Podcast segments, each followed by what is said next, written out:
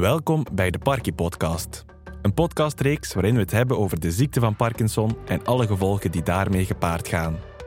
In deze aflevering komt het belang van een positieve mindset en proactief werken aan bod. Want the only way is up.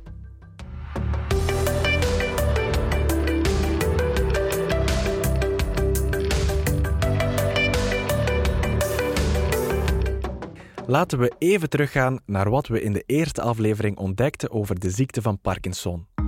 Dr. De Wewere vertelde dat de ziekte ongeneeslijk is, maar wel kan afgeremd worden. En daarbij waren er twee luiken. Medicatie ehm, en de niet-medicamenteuze aanpak zijn de twee grote luiken. Dus zeker de patiënten aanmoedigen om te gaan bewegen, ehm, sociale contacten te blijven behouden, Ehm, ja, hun copingmechanismen versterken. Ehm, ja. Het tweede luikje, de niet-medicamenteuze aanpak, daar gaan we in deze aflevering dieper op in. Dr. De heeft het over proactief werken. Dat wil dus zeggen dat jij als patiënt ook zelf in actie moet schieten. En dat in actie schieten mag je redelijk letterlijk nemen. Want bewegen is belangrijk als Parkinson-patiënt. Kinesiste Chloe legt uit waarom onderzoek toont wel dat fysiek actief zijn en specifieke oefeningen heel belangrijk zijn naast de medicatie. Het versterkt het effect van de medicatie. Het zorgt dat de achteruitgang ook wordt afgeremd. Dus uh, ja, rust roest en je moet veel bewegen.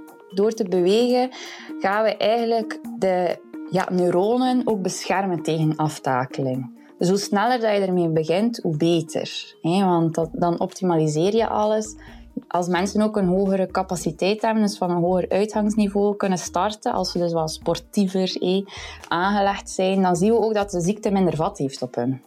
Dus ja, bewegen is het allerbelangrijkste. Bewegen. Het is al veel aangehaald geweest door Chloe, maar wat wordt daar nu exact mee bedoeld? Ja, sowieso algemeen bewegen, dus voldoende wandelen, fietsen, dus een beetje ja, conditioneel eh, in het dagelijks leven. Uh, dansen is heel goed boksen ook. Um, Nordic walking, uh, evenwichtstraining, fitness ook wel. dus een beetje de core stability training programma's. Um, dat doet het programma ook. Het wat? Jawel, je hoort het goed. Het HIT-programma. Dat is geen muzikaal programma waarbij enkel de grootste hits voorkomen, maar wel een bewegingsprogramma dat inzet op intensief bewegen. HIT staat dan ook voor hoge intensiteit intervaltraining.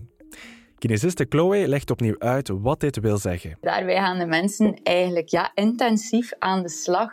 Uh, verschillende krachttrainingsoefeningen, conditioneel trainen, maar eigenlijk echt met de specifieke fitnesstoestellen.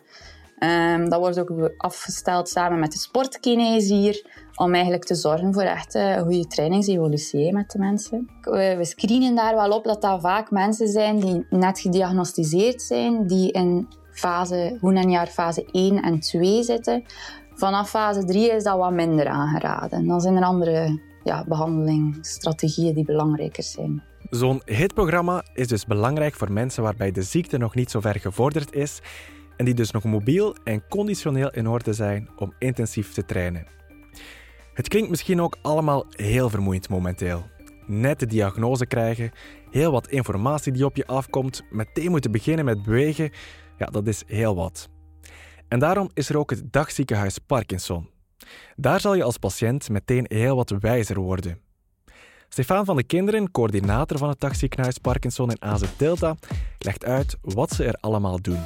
Ik ben eh, Stefan van de Kinderen, ben therapeutisch coördinator van het dagziekenhuis Parkinson in eh, AZ Delta. En uh, ja, dat is er eigenlijk gekomen vanuit een proefproject vanuit de overheid. Uh, die eigenlijk vroeg van, ja, we moeten mensen met een soort Parkinsonisme beter gaan opvolgen. Hey, ehm, werkt dat een keer uit? En daaruit is dat ontstaan door mijn voorganger Winnie. Uh, heeft dat op poten gezet eigenlijk. En uh, de bedoeling is dat we de patiënten eigenlijk op regelmatige basis terugzien. Ambulant, ze komen gewoon even enkele uren naar het ziekenhuis en dan doorlopen ze een Hans uh, multidisciplinair traject van zowel de logopedist, de ergotherapeut, de kinesist, de neuropsycholoog, kinderneuroloog, de Parkinson verpleegkunde. En aan de hand van vraagstelling en wat testen, dan gaan wij kijken wat er werkpunten zitten bij de patiënt en eigenlijk een soort van zorgplan gaan opmaken uh, voor in de toekomst. En dat kan zijn dat dat een activiteitenplan is dat we meegeven, dat kan zijn dat dat de medicatie is dat we wat veranderen. Dat kan zijn dat we een hulpmiddel gaan uitproberen. Nu, daarnaast proberen we dus de patiënt regelmatige basis terug te zien, elke zes maanden. Maar we doen ook andere activiteiten. We geven ook infosessies over allerhande onderwerpen, zowel seksualiteit als uh, hulpmiddelengebruik. Uh, van alles is er wel iets. We organiseren ook groepstherapieën. Dat kan gaan van yoga, mindfulness tot uh, spinning. Fit en fun. Allee, we doen allerlei activiteiten eigenlijk voor onze mensen en vooral ook voor de mantelzorgers, want die mogen er ook altijd bij zijn. Een breed aanbod dus voor zowel Parkinson-patiënten als voor hun mantelzorgers. Zoals Stefan daarnet al vertelde, kan je dus voor een heel aantal zaken terecht in het dagziekenhuis Parkinson. En je hoeft daarvoor niet per se patiënt te zijn in AZ Delta. Uh, als je Parkinson hebt, dan kan je uh, natuurlijk komen naar het dagziekenhuis Parkinson. En dat is eigenlijk gelijk van welk ziekenhuis dat je komt. Uh, we, proberen, we proberen altijd de mensen eigenlijk terug te sturen naar een behandelende arts. Dat is zeker geen enkel probleem. Maar je kan komen naar het dagziekenhuis voor gelijk wat. Wil hij eh, meedoen aan die screeningsfase? Wel, dat is goed. Wil hij meedoen aan de groepstherapie? Dat is goed. We willen gewoon hebben dat de mensen goed geïnformeerd worden, dat ze de opvolging krijgen dat ze zelf willen. En uh, dus ze hebben eigenlijk een beetje hun eigen um, proces in de handen. Uh, veel echte dagziekenhuizen zal je niet vinden natuurlijk. Um, als je dat niet in de buurt hebt, ja, dan best kijken in je regio, want ook andere ziekenhuizen doen zeker uh, projecten uh, voor mensen met Parkinson. Ik weet dat er uh, een Parkinson-school is in Oostende. Ook Brugge organiseert dingen, maar ook in andere provincies worden er zeker dingen georganiseerd. Dus belangrijk is dat je keer in je regio contact neemt met ja, mensen uit de zorgsector. In het dagcentrum staat dus een multidisciplinair team klaar om testen te doen en tips op maat mee te geven. En ook qua beweging mag je meteen enkele oefeningen verwachten die op maat zijn van iemand met Parkinson.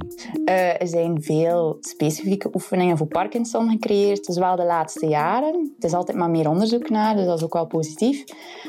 Bij stappen kunnen mensen bijvoorbeeld blokkeren en dan moet de cueing-technieken aangeleerd worden. Bij het evenwicht zijn vaak de evenwichtsreacties verminderd. Dus dan moeten we specifiek opvangreacties en evenwichtsreacties trainen. Ehm, de rigiditeit, dus de stijfheid dat Parkinson-patiënten hebben, daar zijn er ook specifieke oefeningen voor gecreëerd. De vertraagheid en stijfheid, daar leren we vaak de power moves voor aan. Um, het zijn ook hele toffe oefeningen. En dan ook specifieke dingen zoals boksen, dansen. Dat wordt ook allemaal aangeraden. Nordic walking. En dat zijn dingen waar we ook helpen mee ondersteunen. Nu we dat allemaal weten, kunnen we weer beginnen met die proactieve aanpak. En dat wil zeggen bewegen, bewegen, bewegen. En dat kan, zoals kinesiste Chloe zei, van alles zijn. Wandelen, fietsen, dansen, noem maar op. Caroline is nu 43 jaar oud en kreeg vijf jaar geleden de diagnose van Parkinson.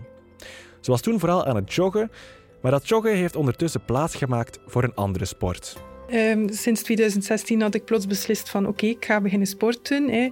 Je wordt iets uh, ouder en dan uh, beginnen lopen. En ik merkte, ah, oké, ik doe dat wel graag eigenlijk, sporten.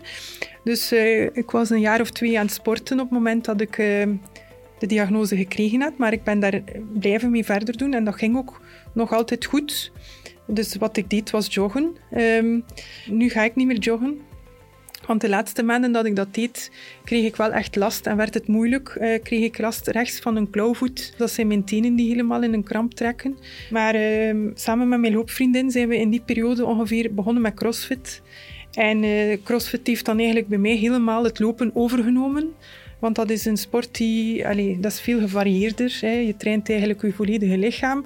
Eigenlijk is dat een ideale sport voor alle mensen, maar bij uitstek voor mensen met Parkinson. Uh, je bent ook in groep. Uh, je kan de mensen die je trainen ook op de hoogte brengen van je moeilijkheden die er soms zijn.